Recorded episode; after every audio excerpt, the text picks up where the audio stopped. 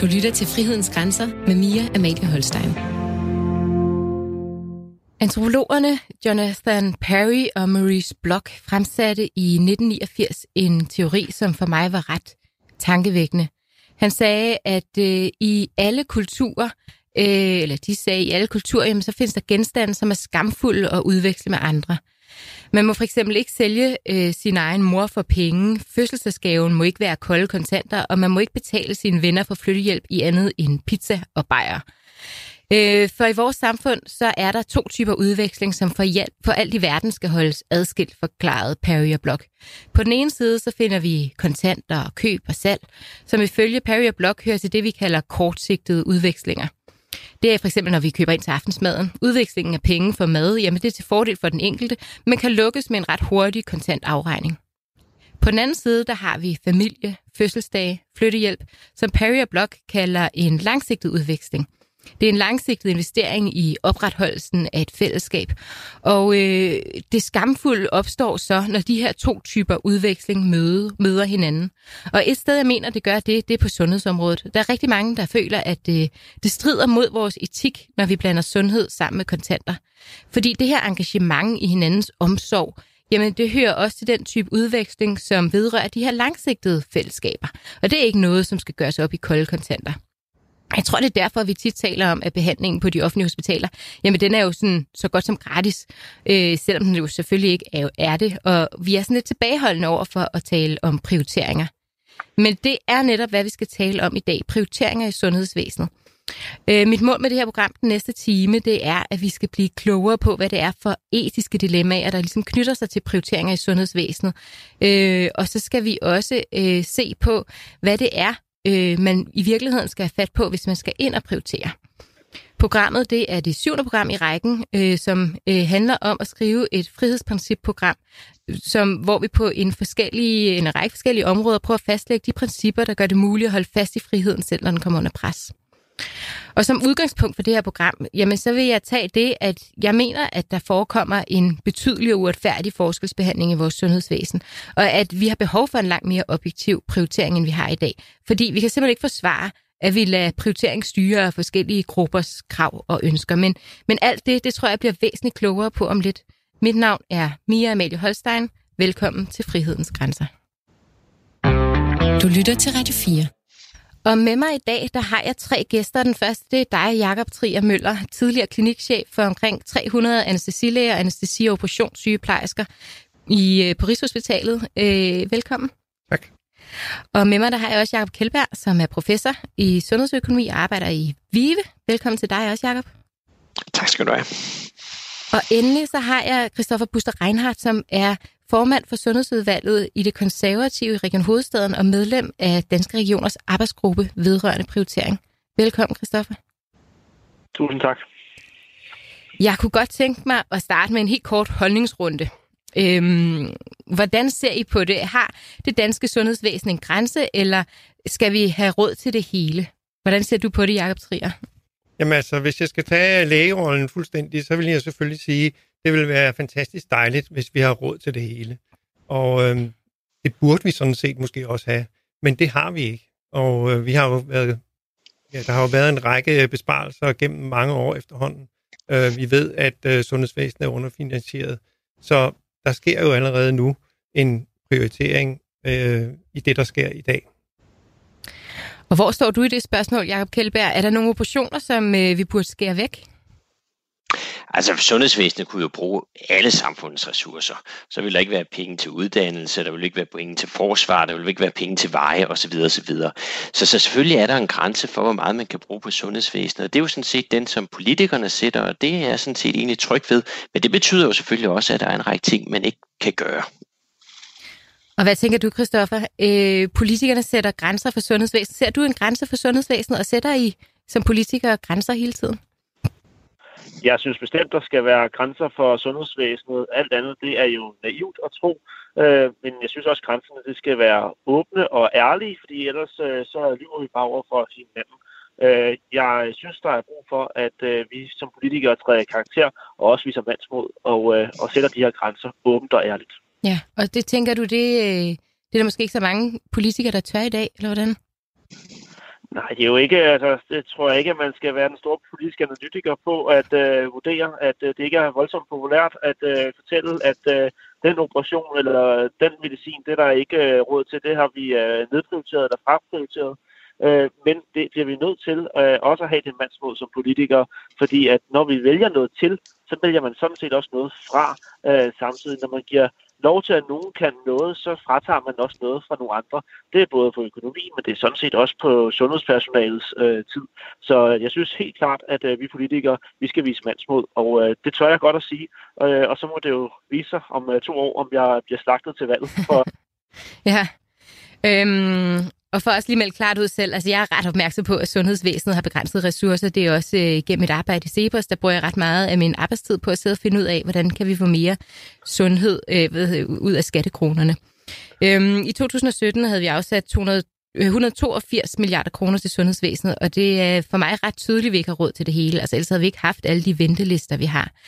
Øh, til med så ser jeg et ret stort pres på sundhedsvæsenet. Vi bliver flere ældre, der bliver opfindes hele tiden ny, men også dyr teknologi. Og så er der en stigende forventning til, at øh, behandlingen i morgen er bedre end i dag. Jeg sidder i etisk råd jo, og jeg er også ret optaget af, at vi er etisk forpligtet til at prioritere og sikre, at vi får mest muligt for skattekronerne. Men hvordan foregår den der prioritering egentlig i dag? Det er det næste, som vi skal snakke om. Du lytter til Frihedens Grænser med Mia Amalie Holstein. Jeg kunne godt tænke mig at starte med dig, Jakob Trier. Øh, du opsagde for nylig din stilling som klinikchef på Rigshospitalet.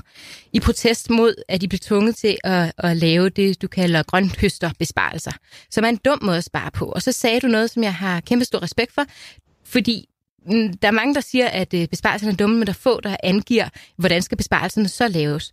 Og det du sagde, det var, at du mente, at man skulle øh, se på antallet af hospitalsafdelinger, man skulle se på størrelsen af det administrative apparat, og så skulle man have en diskussion om prioriteringer, som vi slet ikke har i dag.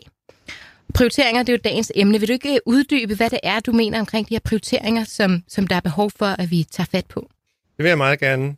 Uh, som jeg sagde før, så er der faktisk prioriteringer i dag. Det foregår bare mere skjult. Øhm, der foregår prioriteringer, som foregår i de enkelte regioner, men, men det, er ikke, det bliver ikke sagt, øh, som der blev sagt fra politisk hold, før at, at det bliver ikke nævnt, at man, der er nogle specielle ting, vi ikke vil. Man gør det bare. Øh, man nedprioriterer for eksempel de ældre, sådan så at de kommer til at ligge og vente længere øh, ud på de medicinske afdelinger. Øh, der er ting, som man tager øh, og nedprioritere. og så er der ting, som pludselig bliver politisk øh, vigtige, fordi der bliver rejst en debat om det, og så bliver der tilført penge til det område. Så det foregår i virkeligheden sådan lidt zigzag.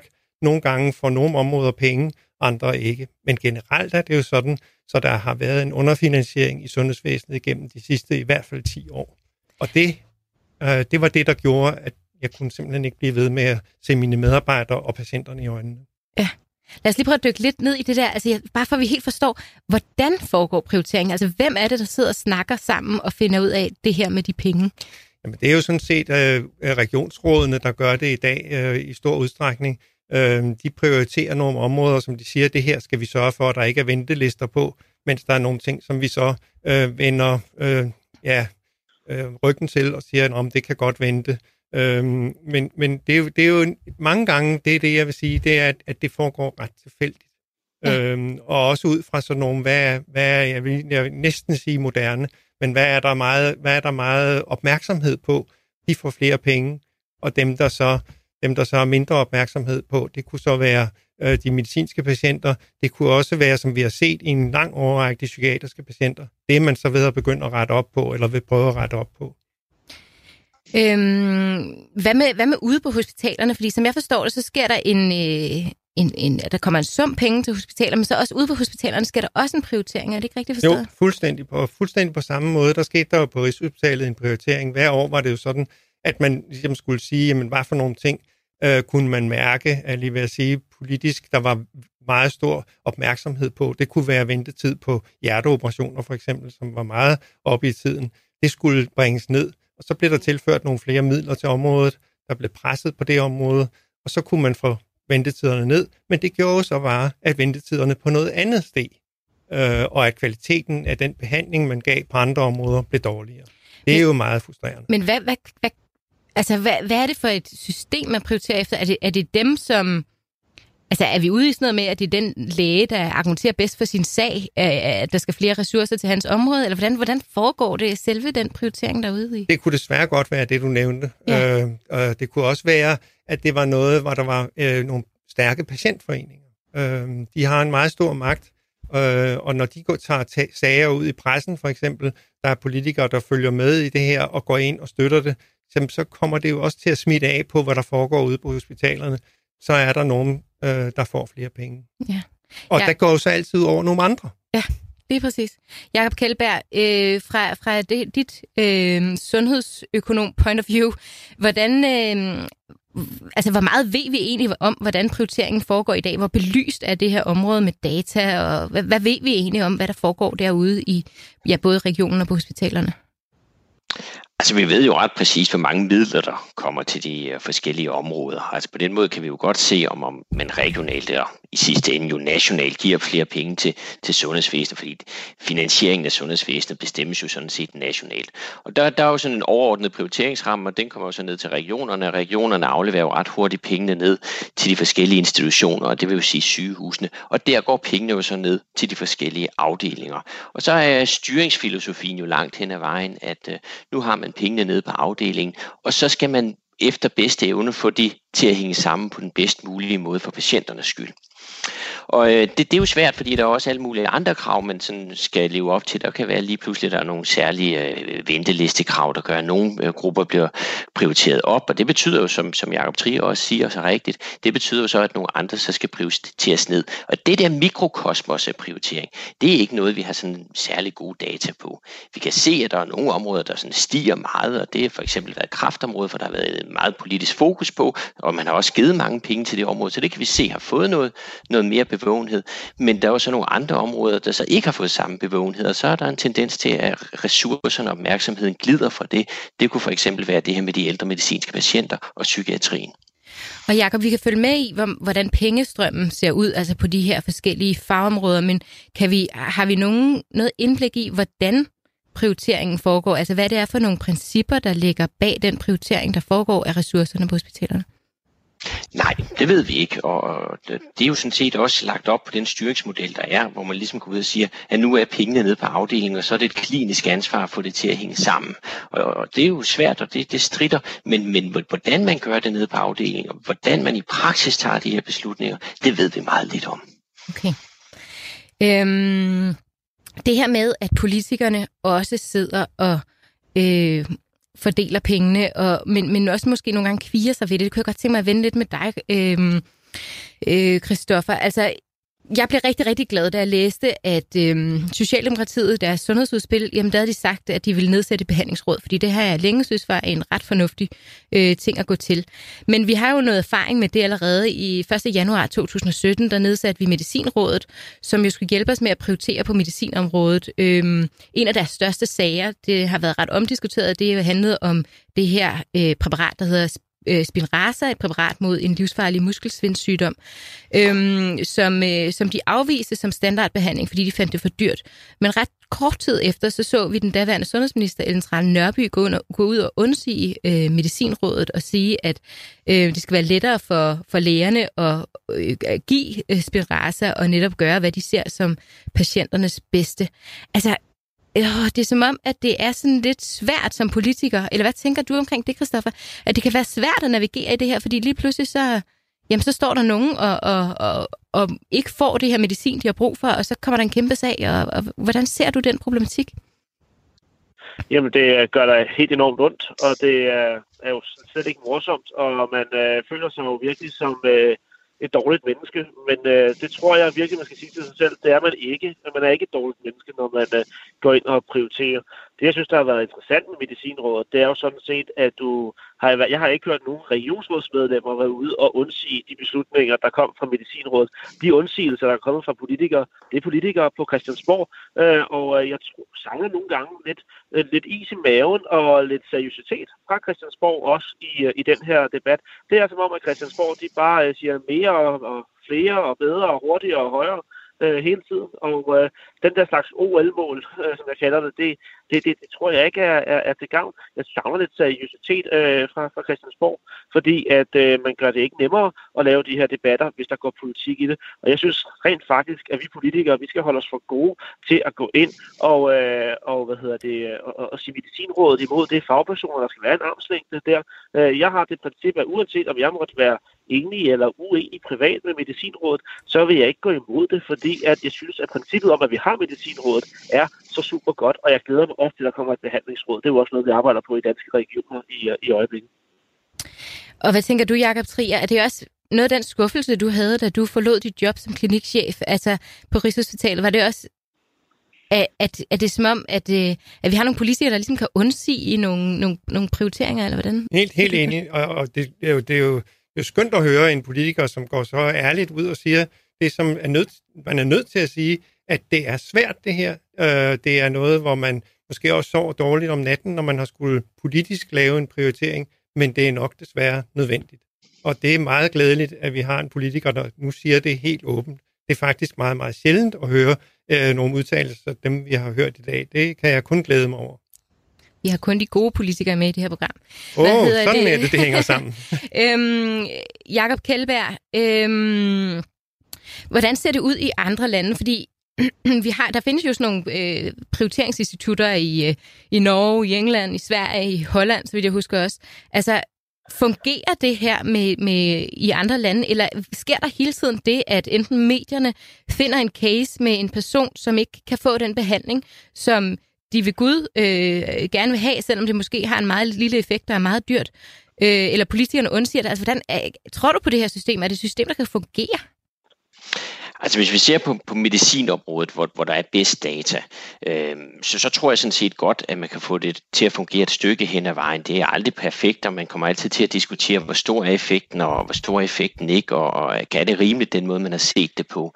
Men, men tanken om, at man aldrig vil finde en patient som, et, som medie, som, som bliver ført frem som en case, altså det er naivt. Altså selvfølgelig vil der være det øh, fuldstændig på samme niveau, når øh, der bliver givet en øh, kompensation for, hvor meget jetflyene må, må må larme, så vil man altid finde en patient, der lige er på den forkerte side af grænsen for kompensation, eller øh, der, hvor der er en højere kompensation. Det er en det er en del af det mediebillede. Det, der sådan ligesom er, er syretesten, det er, hvordan man som politiker håndterer den del, og det mm. pres. Øhm, så, så, så, så ja, vi vil altid have diskussioner, det synes jeg også kun er rimeligt, man skal have, fordi prioriteringer er ikke noget, der sådan er helt sort-hvidt, man bare kan afgøre. Det er en, en vurderingssag. Øhm, men, men, men, men forholder man fingrene væk og har en armslængde på, så, så kan vi jo godt se, at der, man vender sig et stykke hen ad vejen til, at det er præmissen. Og, og så, så, så, så diskuterer man det mindre og mindre. Men hvis man kan få en diskussion, hvor man kan ændre præmissen, så er det klart, at så er medierne endnu mere interesserede i det. Og det var meget klassisk, hvis Spinraza sagde, at det var den første sag, kunne man bruge det her til at få lagt det her medicinrod i graven, som der jo selvfølgelig er masser, der også er modstandere af.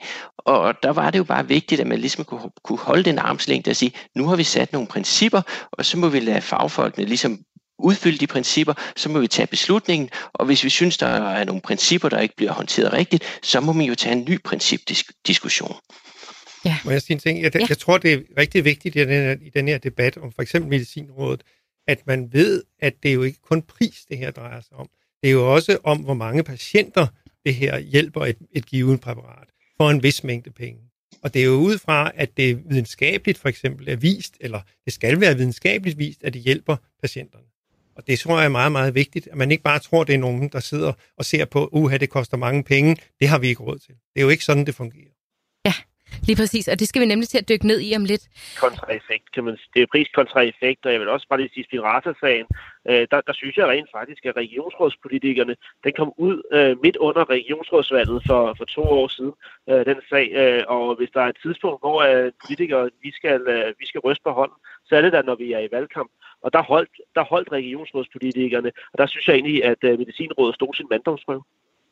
Det må man sige. Hvad, hvad hedder det? Um...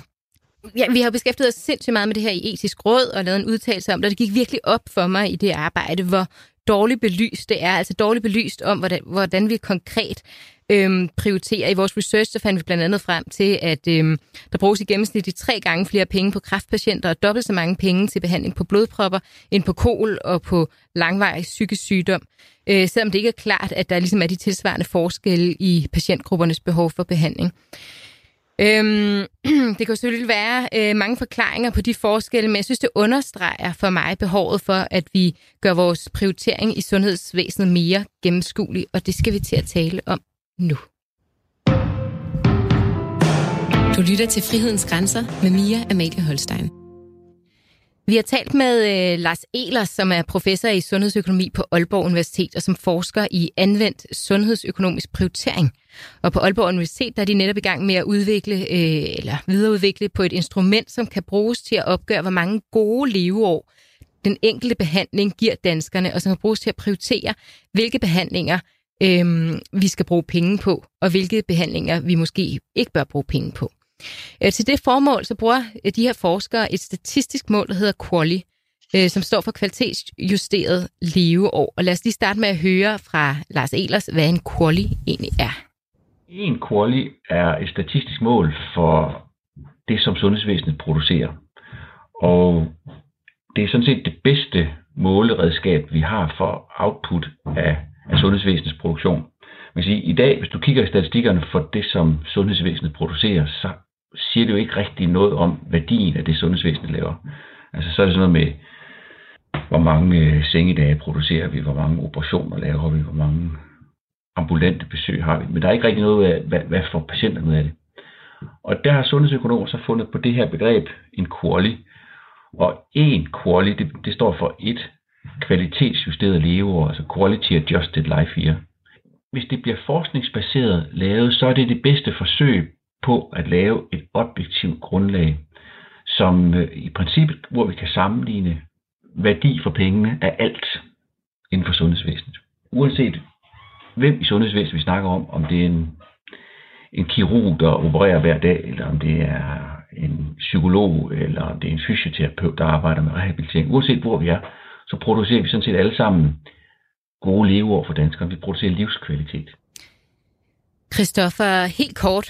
Øhm, sådan et behandlingsråd øh, baseret på nogle quali-beregninger af nogle sundhedsøkonomer, er det noget, du ser som, øh, som vejen frem?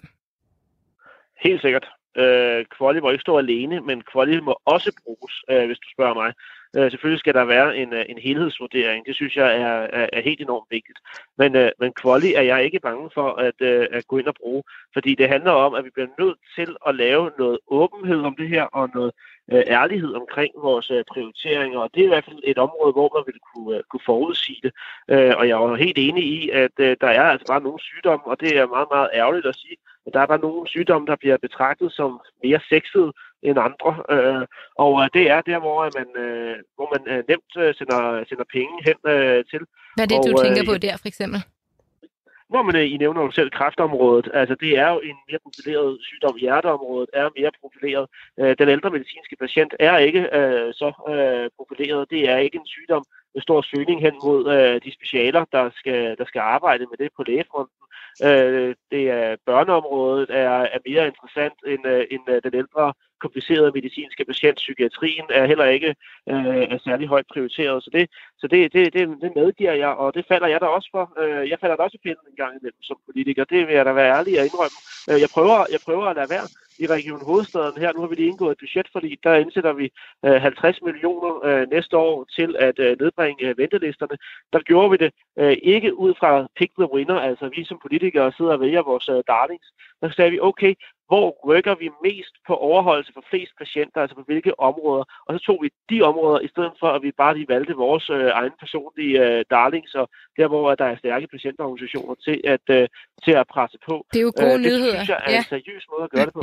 øhm, hvad tænker du om det, øh, Lars? Øh, undskyld, Jacob Trier. Øh, kunne du godt tænke dig, at vi fik mere Øhm, ja, altså fik et det sted behandlingsråd, og som vi, vi havde nogle quali-mål, som vi kunne, kunne bruge til at navigere efter.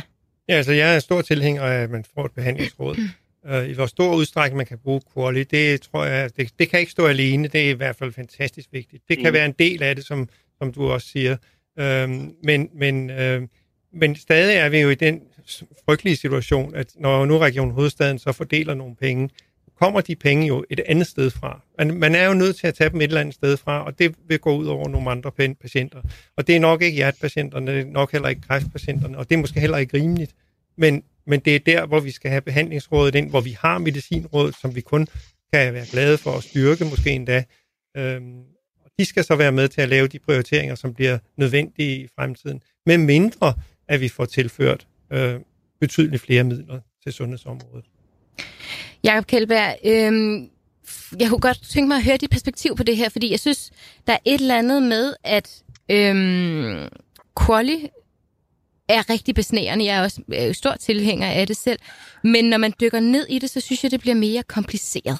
Altså det her med, øh, for eksempel, hvordan skal vi, hvilken etiske øh, principper skal vi lægge ind i det? Hvordan skal vi øh, prioritere? Jeg synes, der er masser af ting. Altså for eksempel, hvordan skal man prioritere et ungt liv i, i den her i forhold til ældre patienter? Må, må jeg ikke høre dit, øh, din tænkning omkring de der, øh, de der problemer, der opstår inde i quali-maskinens mave? Jamen altså, quali er bare et mål, det skal vi så bare lige huske på. Det er bare det her, man, man prøver at sige, at der er noget livslængde, som man sammenvejer med et funktionsindeks. Og, og, og det, det er jo det, der ligesom bliver mere teknisk, det er, hvordan vælger man at bruge det. Øh, normalt så vil sundhedsøkonomer i udgangspunktet sige, at, at en quali er en quali er en quali, så altså uagtet hvem der får den, så, så, så, så giver man den samme værdi. Men når man politisk set vil vælge at give børn en, en højere værdi end, end ældre, det er der i princippet ikke noget til hinder for. Det, det ikke det, målet, øh, så at sige, afhænger af. Jeg tror så ikke, der er mange politikere, der ønsker at stå mål for det direkte, men på den anden side ved vi også godt implicit, at sundhedsvæsenet agerer lidt anderledes, hvis man har at gøre med en, en ung mor, der er kraftramt. Altså så prøver man måske lige det sidste ekstra, end hvis man er 92 år. Øh, så, så på den måde ligger der jo noget implicit i det. For mig at se, er qualien sådan set det mest interessante i, i et forvaltningsetisk perspektiv. Altså hvordan sikrer vi, at vi laver en rimelig forvaltning, når vi får får alle de her nye produkter, der kommer ind, og hvorfor nogen siger vi ja til, og hvorfor nogen siger vi nej til. Og der er det jo altså en god måde, at man kan gå ind på, på sådan en rimelig objektiv måde og sige, hvad giver det af sundhed i forhold til ressourcerne? det, det medtager. Og, og, og som det er i dag, når man ikke har haft brugt kvalierne, så starter man lidt forfra hver gang. Man skal have diskussion om et nyt produkt. Er pengene ved at lege? Hvis man ikke har et fælles mål, man prøver at gøre den der effekt op i. Så det er altså for mig det er meget et forvaltningsetisk spørgsmål også. Ja. Når Jakob Kjeldberg, når Jakob Kjellberg han, øh, han siger, at man lige skal prøve det, det sidste og så videre, det forstår jeg jo øh, til fulde. Øh, der, der, vil jeg bare sige, der kan jeg tænke, at øh, vi i Danske Regioners øh, arbejdsgruppe vedrørende prioritering i sundhedsvæsenet, der øh, blev vi egentlig ret forelsket i en, øh, i en sætning som, som, en, øh, som en værdi, vi gerne vil øh, lægge ind. Og den, øh, den lyder, vi skal få liv til årene, og ikke kun have fokus på at få år til livet.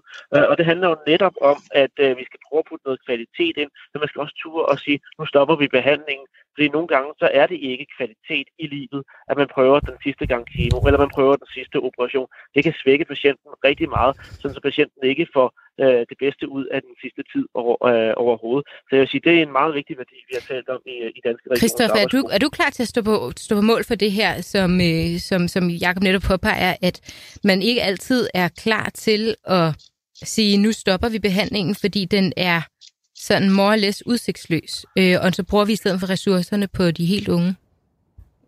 Jamen, jeg synes, at øh, man skal kunne stå på mål for prioriteringerne i, øh, i sundhedsvæsenet, og jeg synes også, at det er vigtigt at sige, at det, at man stopper behandlingen, det betyder jo ikke, at der vil være ingen behandling. Det kan betyde, at der vil være en anden form for behandling, f.eks. palliativ behandling, øh, smertedæmpende behandling. Jeg synes sådan set, at prioritering, det betyder, det behøver ikke at være sort-hvidt at sige, nu får du alt eller intet. Øh, der er altså også øh, mellemveje og andre veje at, øh, at, at gå, øh, og det synes jeg, at vi skal være bedre til. Jeg synes, vi skal opnå mere på palliative øh, enheder, hospicepladser og, og så videre, fordi vi skal være bedre til at tage den her samtale. Men der er jo selvfølgelig sådan et behandlingsparadigme i sundhedsvæsenet, og sundhedsvæsenet vil jo gøre alt, hvad de kan for at behandle. Nogle gange skal man også bare se sig selv i øjnene og spørge, okay, er tiden ende til, at vi nu overvejer, hvad er det bedste for patienten? Er det ikke, at vi måske går over til en anden form for behandling? Ja, og Jacob Trier Møller, du har jo stået på lægegangen og, og set øh, de patienter, der kommer ind. For eksempel, hvis du, hvis du fik øh, en dement borger ind fra et plejehjem. Øhm, øh, hvordan er det derude i dag? Altså, behandler man dem øh, ens, eller behandler, altså øh, afhængig af, om de er gamle eller unge, eller, eller, eller hvad, hvad, hvad er din tænkning omkring det her med brug af ressourcer forskellige steder i livet?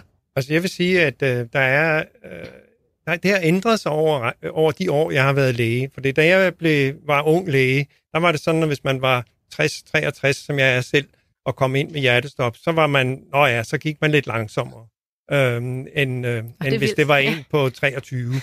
øhm, og og det er, sådan er det jo ikke i dag. Der er der jo fuld skrue på, øhm, og det er der for alle patienter.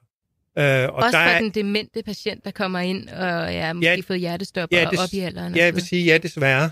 Øh, fordi der mener jeg netop også, der er nogle, der er nogle store udfordringer. Der er nogle udfordringer i samarbejdet mellem kommunerne og, og hospitalsvæsenet omkring, at man får lavet nogle aftaler om, hvem der skal behandles og hvem der ikke skal behandles. Også sammen med de pårørende. Og det er jo nogle fantastisk øh, vanskelige etiske spørgsmål her. Øh, men men øh, der, der skal vi også blive bedre. Og der er helt sikkert et, øh, et, øh, et område, som, vi skal, som man bør se på. Fordi der er, der er, jeg vil sige, der er fuld skrue. Jakob Kjellberg, hvad er der ellers? Altså, øh, vil, vil du også mene, der var nogle områder, hvor man siger, at det skal det offentlige simpelthen ikke betale for, det må man betale for selv? Jamen, det er der en masse af ting, der allerede er sådan i dag. Øh, og det er jo igen et politisk spørgsmål. Hvis vi helt tager voksentandlægeområdet, så for praktiske formål er det jo egenbetaling. Der er en 10-15 procent øh, offentlig subsidier i. Men det har man jo lagt ud og sagt, at det, det vil man ikke betale for. Uagtet man sagtens skulle få, kunne argumentere for, at tandsundhed på en lang række stræk er, er lige så vigtig og lige så afgørende for ens livskvalitet, som en række af de ydelser, der leveres ind i sygehusvæsenet.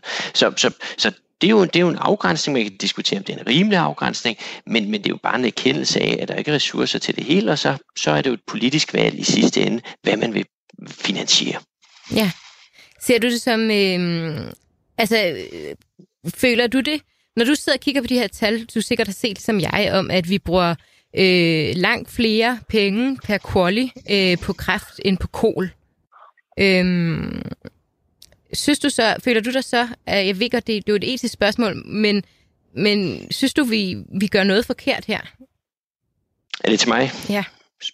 Jo, men altså som, som økonom, øh, og det er jeg jo, øh, og så, så har jeg jo den grundtanke om, at vi skal prøve at få det mest mulige ud af ressourcerne. Og hvis der ikke er et godt argument for, at man synes, at krafts øh, kost, altså omkostninger per quality, man vil give inden for det område, skal være meget større end på kol, og det er der sådan set umiddelbart lidt svært ved at se, at der skulle være et rimeligt argument for, jamen så synes jeg da, at man, man skal overveje, hvor meget mere man investerer i at, at gå efter nogle teoretiske gevinster på det område, når man nu er kommet så langt, som man er, og om der ikke er nogen andre steder, man skulle fokusere. Og der er psykiatrien jo sådan et relativt oplagt emne, men man kunne kaste over, og der vil også være noget omkring den ældre medicinske patient med multimorbide sygdomme, altså, altså som har kol og, og andre diabetes og hjertesygdom på samme tid, om vi giver dem en, en fornuftig behandling. Og, og der, der, der synes jeg da godt, at man kan overveje, om man, man skulle placere pengene lidt anderledes. Jeg respekterer så også i sidste ende, at det er et politisk spørgsmål. Mm, så hvis man politisk så går ind og siger, jamen vi vil simpelthen bare betale mere for, at kraftpatienter overlever end andre, så har jeg også en accept af, at jamen, så er det jo sådan, alternativt må man jo stille op til politik. Men, men, men som politiker, der kom jeg til forleden dag, at øh, øh, det var så med vilje at øh, åbne en debat om det personlige ansvar øh, og respekten for, øh, for fællesskabets ressourcer og, og penge. Og det gjorde jeg, fordi jeg faldt over et lille bitte hjørne i sundhedsvæsenet, og det handler om brystkræftscreeninger. Øh, der er der alene i Region Hovedstaden hver dag, året rundt, juleaften, søndag osv., 36, der udbliver uden at melde afbud. Der er 36, der udbliver hver dag uden at melde afbud til den screeningstid, øh, de har. Øh, det synes jeg, det koster 4 millioner for Region Hovedstaden om året. Det er penge lige ud af vinduet, og det øh, bliver jeg jo øh, enormt farvet over, fordi der er det, man går ind og spilder ressourcer, der kunne være blevet brugt på syge øh, og udsatte øh, mennesker. Og det er bare et lille bitte område. Altså, da jeg tænker, at det her udblivelsesproblem er, er en langt større problem, så det handler jo ikke kun om behandling eller ikke behandling, dyr medicin, ikke dyr medicin. Det handler sådan set også om noget personligt øh, ansvar og respekt for fællesskabets ressourcer, øh, og at man lige kigger ud over egen næsetip. Den debat prøvede jeg at sætte i gang forleden dag. Jeg holdt op, det har givet mange reaktioner, må jeg sige. Men jeg synes sådan set, det er en spændende debat, og vi har også været inde og kigge på det sådan rent videnskabeligt, hvor vi lavede et fint uh, randomiseret uh, forsøg, og, og hvor nogen skulle betale, hvis de udblev, og de andre i kontrolgruppen skulle ikke. Og det, det der var det kedelige uh, resultat af det forsøg, det var jo, at det ændrede ikke på udblivelsesprocenten. Til gengæld så ved vi godt, at hvem der udbliver, det er dem, der, er, der har sværest ved at tilpasse sig samfundet. Altså det vil jo også være de, de socialt udsatte. Så hvis man går ind og sætter højere bare for, uh, hvordan man kommer ind og skal bruge systemet, så risikerer man også hurtigt at få nogle andre bivirkninger, altså en større social slagside. Og det er det, jeg siger ikke, det er lette valg, men det er jo det, man hele tiden står med, når man skal prøve at planlægge det her, og sige, jamen altså, man kan godt i frustration, altså så at sige, sætte en, en, en bøde på at udblive. Vi ved, det ikke rigtig hjælper, for vi har testet det, og vi ved, det rammer skævt. Skulle vi prøve at kigge nogle andre måder at gøre det på? Men, men det er jeg enig med dig i, Jacob, men jeg tror bare ikke, at vi anerkende, at øh, over 10 procent af kvinderne i y alderen 50-69 år i regionen, de er, de er socialt udsatte. Altså det er det, det, det tal, vi taler om, det er over 10 procent. Og øh, jeg, jeg synes sådan set, at der er et moralsk problem, øh, og øh, det synes jeg også, at man som politiker skal prøve at i tale til det, selvom øh, det, selvom det selvfølgelig er farligt at gå ud og, og, og slå nogen i hovedet og sige, at, øh, at du ikke har gjort det godt nok. Men jeg mener ikke, det er godt nok, at 36 udbliver hver dag uden med afbud. Bare på brystkræftområdet. ja, det er vi jo ikke uenige om. Altså, I, I har mig i hvert fald om, det ikke er godt nok. Spørgsmålet er, hvad man kan gøre ved det. I, I har mig begge to købt i hvert fald på, at vi skal, vi skal tænke over, hvordan vi bruger ressourcerne i sundhedsvæsenet. Men hvis vi lige prøver at køre den tilbage til prioritering her, så synes jeg, det står ret klart for mig, at der er nogle øhm, etiske minimumskrav, jeg tror, vi alle sammen kan blive enige om. Det er jo sådan noget med, at patienter i samme situation skal behandles ens, og vi skal jo, når vi finder ud af, om vi skal prioritere den ene over den anden, skal vi tage højde for, for patientens situation, altså sygdommens alvor og så videre. Øhm, jeg synes også, vi alle sammen egentlig er ret enige om, at der skal være nogle prioriteringsbeslutninger, men det begynder at blive lidt mere svært, når vi, når vi står i den konkrete situation og skal vurdere, skal den her øh, opprioriteres eller, eller nedprioriteres. Altså det er bare det er bare mere komplekst, når man åbner op for, for, for den her prioriteringsdiskussion. Men ved det så vil jeg øhm, sige farvel og tak til dig, Christoffer, fordi du, jeg ved, du skal videre til noget andet, og så vil vi kaste os videre med debattens tredje runde bagefter. Tak, Christoffer. De jeg måtte være med. Det var meget spændende, og jeg deltager gerne en anden gang. Tak. Du lytter til Frihedens Grænser med Mia Amalie Holstein. Det sidste, jeg gerne vil vende med jer, øh, Jakob Trier, tidligere klinikchef på Rigshospitalet, og Jakob Kjeldberg, sundhedsøkonom og professor øh, på VIVE. Jeg vil rigtig gerne vende med jer det her med, at øh, når det kommer til at prioritere, jamen så indfører vi, eller hvis vi indfører et behandlingsråd, eller skal bruge det her quali-instrument, jamen så, øh, så skal vi jo være sikre på, at det bliver bedre, eller måske mere gennemsigtigt end før. Og før vi lige kaster os ud i den debat, så har jeg et, øh, et til klip med, med øh, Lars Ehlers, som er jo fra Aalborg Universitet, og netop sidder og er ved at udvikle et quali-instrument lige nu. Lad os høre det.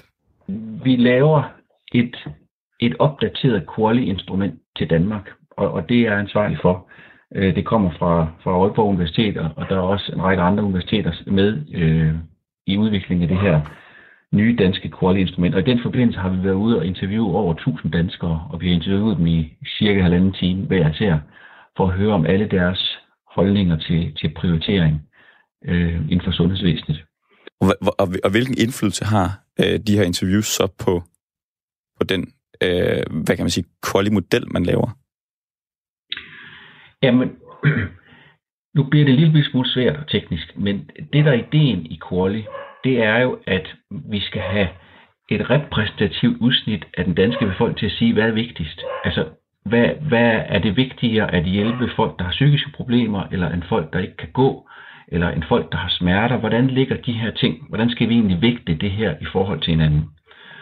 Og det er derfor, vi skal snakke så lang tid med dem, fordi det er en meget, meget svær øvelse at få udledt folks præferencer for det. Men i virkeligheden er det jo det, vi skal bruge, når vi skal prioritere sundhedsinterventioner. Altså en medicin, der kan hjælpe på smerte, er den vigtigere end en medicin, der kan hjælpe på den psykiske problemer, eller en operationsform, eller nogle andre ting. Der skal vi have et, en måde at vægte øh, den sundhedsgevinst på i forhold til hinanden.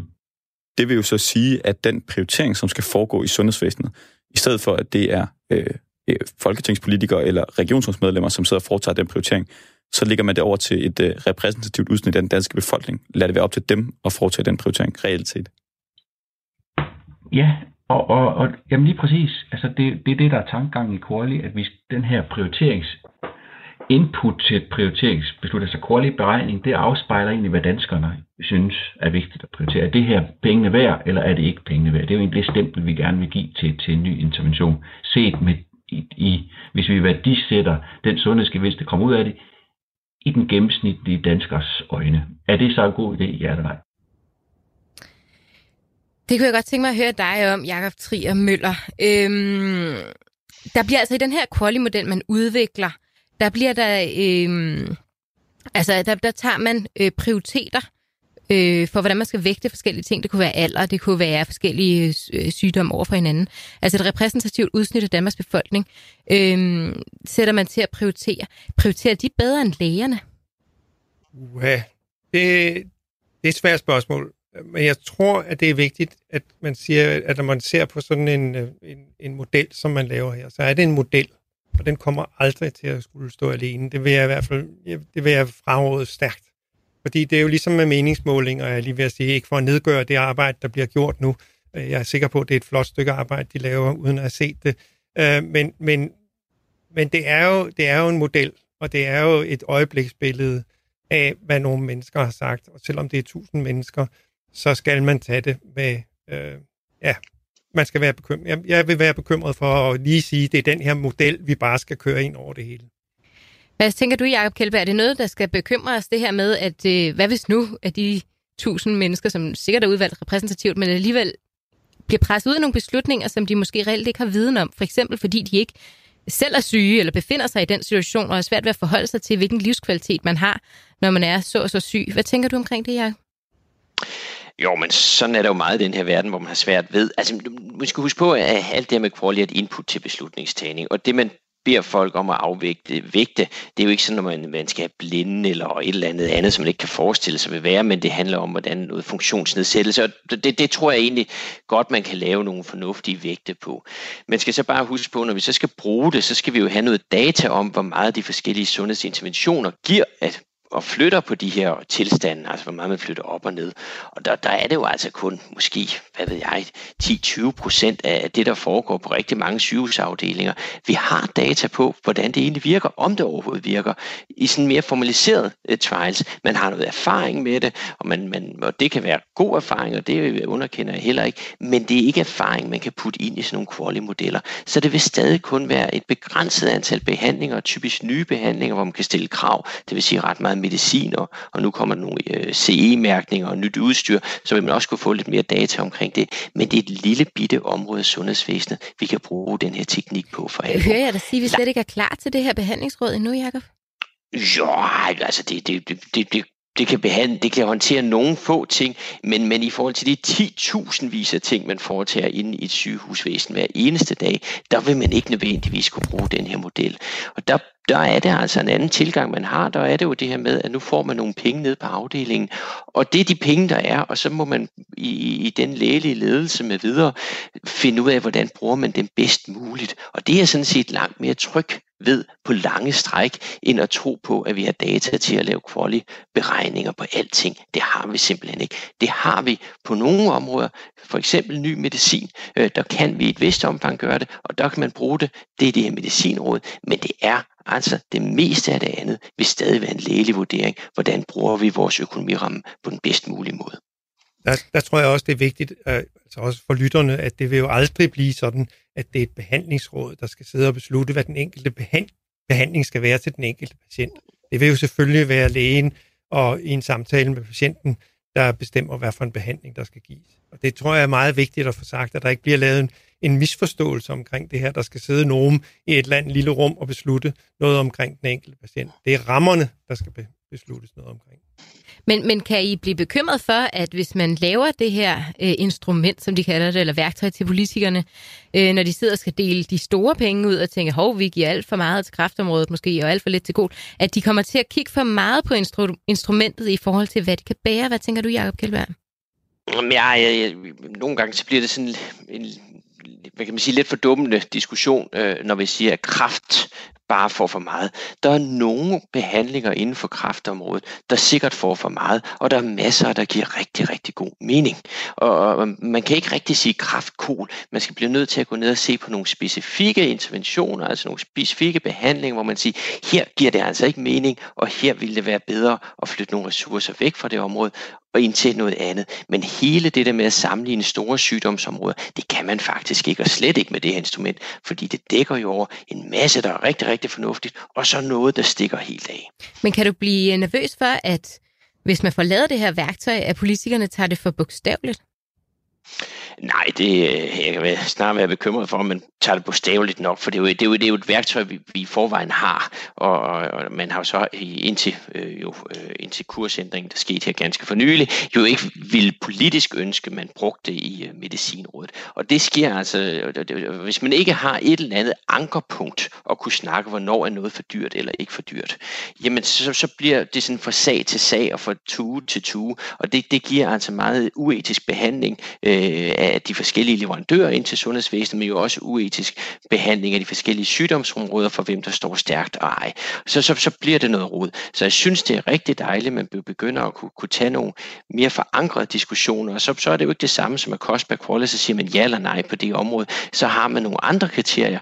Øh, altså, det er jo kun et af syv og otte eller ni kriterier, alt efter man, hvad man tager med i det her behandlingsrum, man skal kigge på, der er omkostninger i forhold til effekter, og også nogle andre ting, der skal vurderes. Og det, det, det, det tror jeg sådan set godt, man kan håndtere. Men det er rart, når man nu har et kriterie, der siger effekt for pengene, at vi faktisk har et eller andet fællesmål for effekt, for ellers så bliver det svært at vurdere.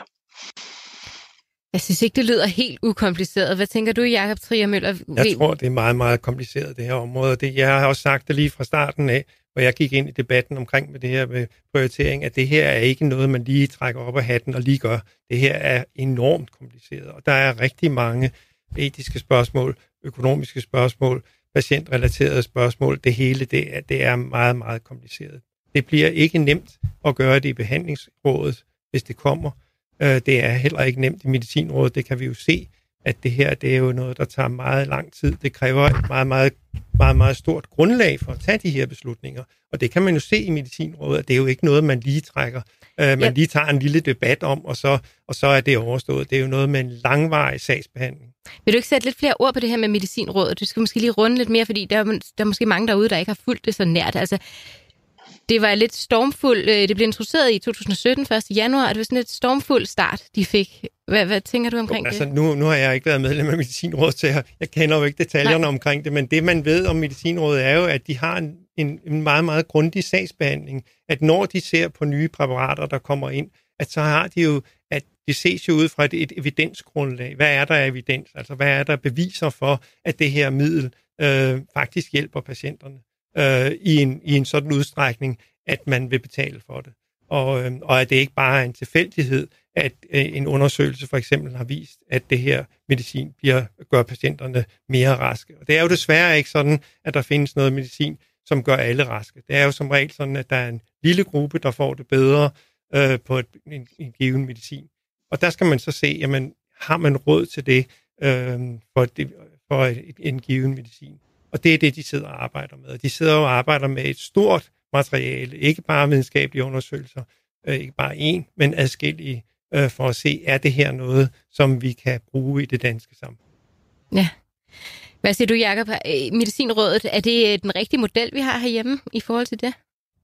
Jamen, jeg synes, at Medicinrådet har været en stor succes, og fordi øh, bare det, man kan begynde at i talesætte det her, vi har brug for en prioritering og have et rum, hvor man, man prøver at snakke systematisk om det. Så blev Medicinrådet født med, øh, med en klausul om, at man ikke måtte bruge kvalier når man skulle opgøre effekten. Og så i stedet for valgte man at gøre op, om der var, sådan, var en lille effekt, eller stor effekt, eller vigtig effekt. Og, og det har bare vist sig, at det er enormt svært at, at bruge sådan nogle mål for at sige, hvor meget vil vi så betale mere for en stor effekt i forhold til en lille, i forhold til en vigtig. Og der har man brug for et mere kontinuum, altså hvor man kan sige, hvor meget større er stor i forhold til lille og vigtig. øh, og, øh, og det er der, hvor kvalien får en teknisk lille bitte plads som, som, som, som et anker for den diskussion. Men ellers så fortsætter medicinrådet jo uagtet med, med en, en, en om, om der var quali eller ej, det gør det bare lidt lettere at få lidt mere gennemskuelighed i, hvad er beslutningerne fra sag til sag. Ja. Og det vigtigste i, i det, det er jo, om der er, øh, om man kan vise videnskabeligt, at denne her nye medicin faktisk hjælper øh, en, en række patienter, sådan så at man skal indføre det. Man skal jo ikke indføre noget, som ikke hjælper, som, indhjælper, som kun hjælper meget få, eller som måske har en tvivlsom effekt. Det vil man jo aldrig gøre. Og det er jo der, hvor problemerne kommer, hvis man skal have et bredere behandlingsråd, fordi uh, selvom man kan brokke sig lidt over evidensen for, for den medicin, der kommer, så er der dog altid lavet nogle en eller anden grad af nogle studier, hvor, hvor vi kan tolke sådan med alle de forbehold, der er på, hvor meget effekt, hvor mange hjælper det, hvor, hvor, hvor, hvor stor er gevinst er det, når det hjælper.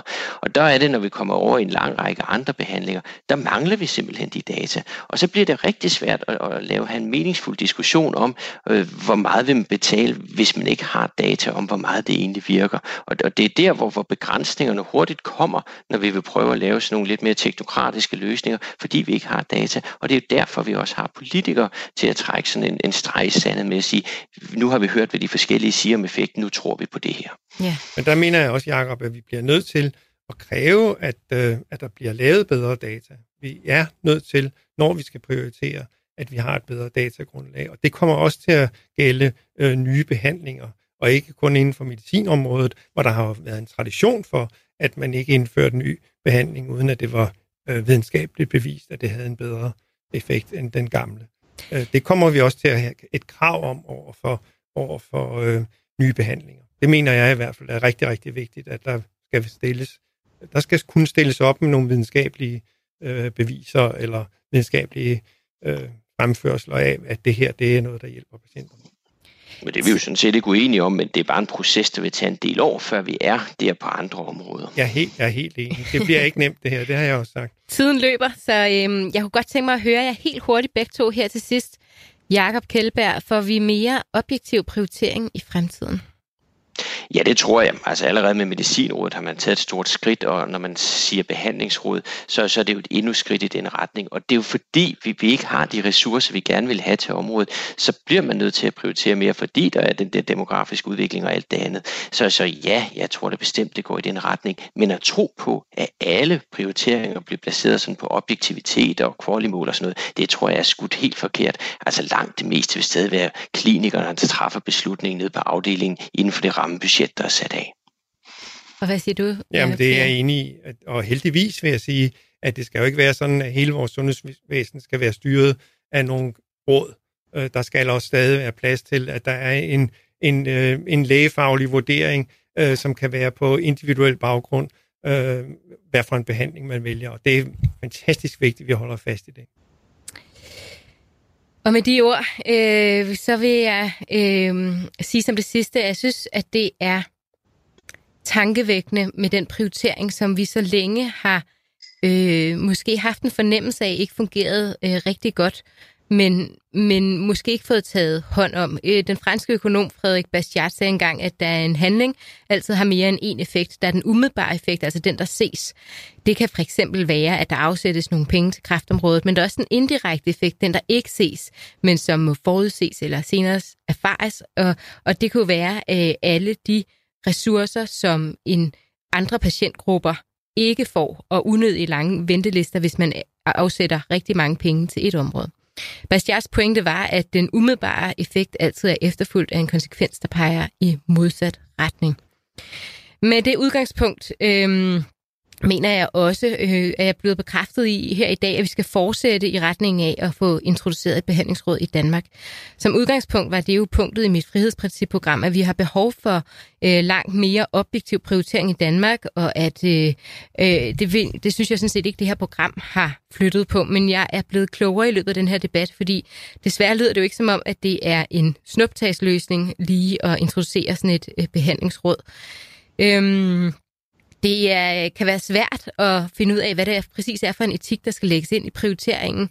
Øhm, og, og det er ikke så nødvendigvis gennemsigtigt, øh, det man får lavet ud af det. Jakob, du var, Jakob øh, Kjellberg, du var også inde på det her med, at øh, quality altid bare skal være input øh, til et øh, beslutnings, øh, be, en, en beslutning, som politikerne for eksempel tager. Øhm, og at vi faktisk slet ikke har alle de der, måske kun 20 procent af de der effektmålinger, øh, der ligger op øh, og, skal bruges i forhold til den her quality-beregning. Øhm, så det er altså ikke noget, vi lige... øhm, som du også har været inde på flere gange, Jacob Trier trækker op af hatten. Øh, og særligt øh, synes jeg, det var interessant at høre fra dig det her med, når du har stået derude og bare kigget på, øh, hvordan vi måske har fejl øh, disponeret i vores sundhedsvæsen, og der er ikke nogen, der er grebet ind, eller som, øh, hvad hedder det, Christoffer påpegede, at øh, regionalpolitikerne blev overrulet af politikerne. Så der er virkelig meget at tage fat på øh, på det her område. Men med det, der vil jeg sige, Jakob Trier Møller, tidligere klinikchef på Rigshospitalet, og Jakob Kjeldberg, professor og sundhedsøkonom i VIVE. Tusind tak, fordi I deltog og delte jeres tanker med os i dag. Og øh, til alle jer, der lyttede med, så vil jeg rigtig gerne høre, om der er noget, I mener, vi har overset i debatten i mit øh, frihedsprincipprogram, eller hvis I har idéer til fremtidige programmer, så skriv til os på frihedsnabelagradio4.dk. Med det så er frihedens grænser slut for denne gang. Til rettelæggelsen stod Jeppe Rets Husted for, og jeg hedder Mia Mette Holstein. Vi vender tilbage i næste uge på Genhør.